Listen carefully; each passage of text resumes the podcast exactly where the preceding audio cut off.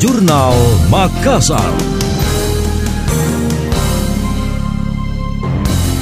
Saya Priscila Rini dalam Jurnal Makassar. Wakil Wali Kota Makassar Fatmawati Rusdi mengapresiasi peran Otoritas Jasa Keuangan atau OJK dalam membantu pemerintah menjalankan program vaksinasi COVID-19.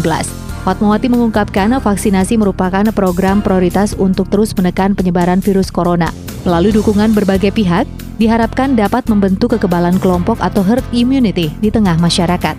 Kegiatan ini merupakan rangkaian HUT Pasar Modal ke-44 bertajuk Sinergi Pasar Modal bagi Pemulihan Ekonomi. Direktur Pengawasan Lembaga Jasa Keuangan Kantor OJK Regional 6 Sulawesi, Maluku, dan Papua, Pak Tahudin berharap vaksinasi massal ini akan menciptakan kekebalan komunal. Selain itu mendukung mobilitas masyarakat dengan protokol kesehatan yang ketat, sehingga perekonomian bisa kembali bergerak. Sasarannya, masyarakat umum dan akan menyalurkan sebanyak 2.000 dosis vaksin Sinovac dengan target harian sebanyak 1.000 dosis per hari.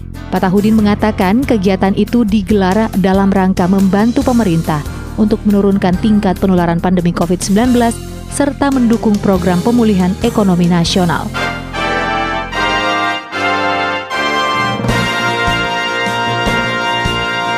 Demikian tadi, Jurnal Makassar.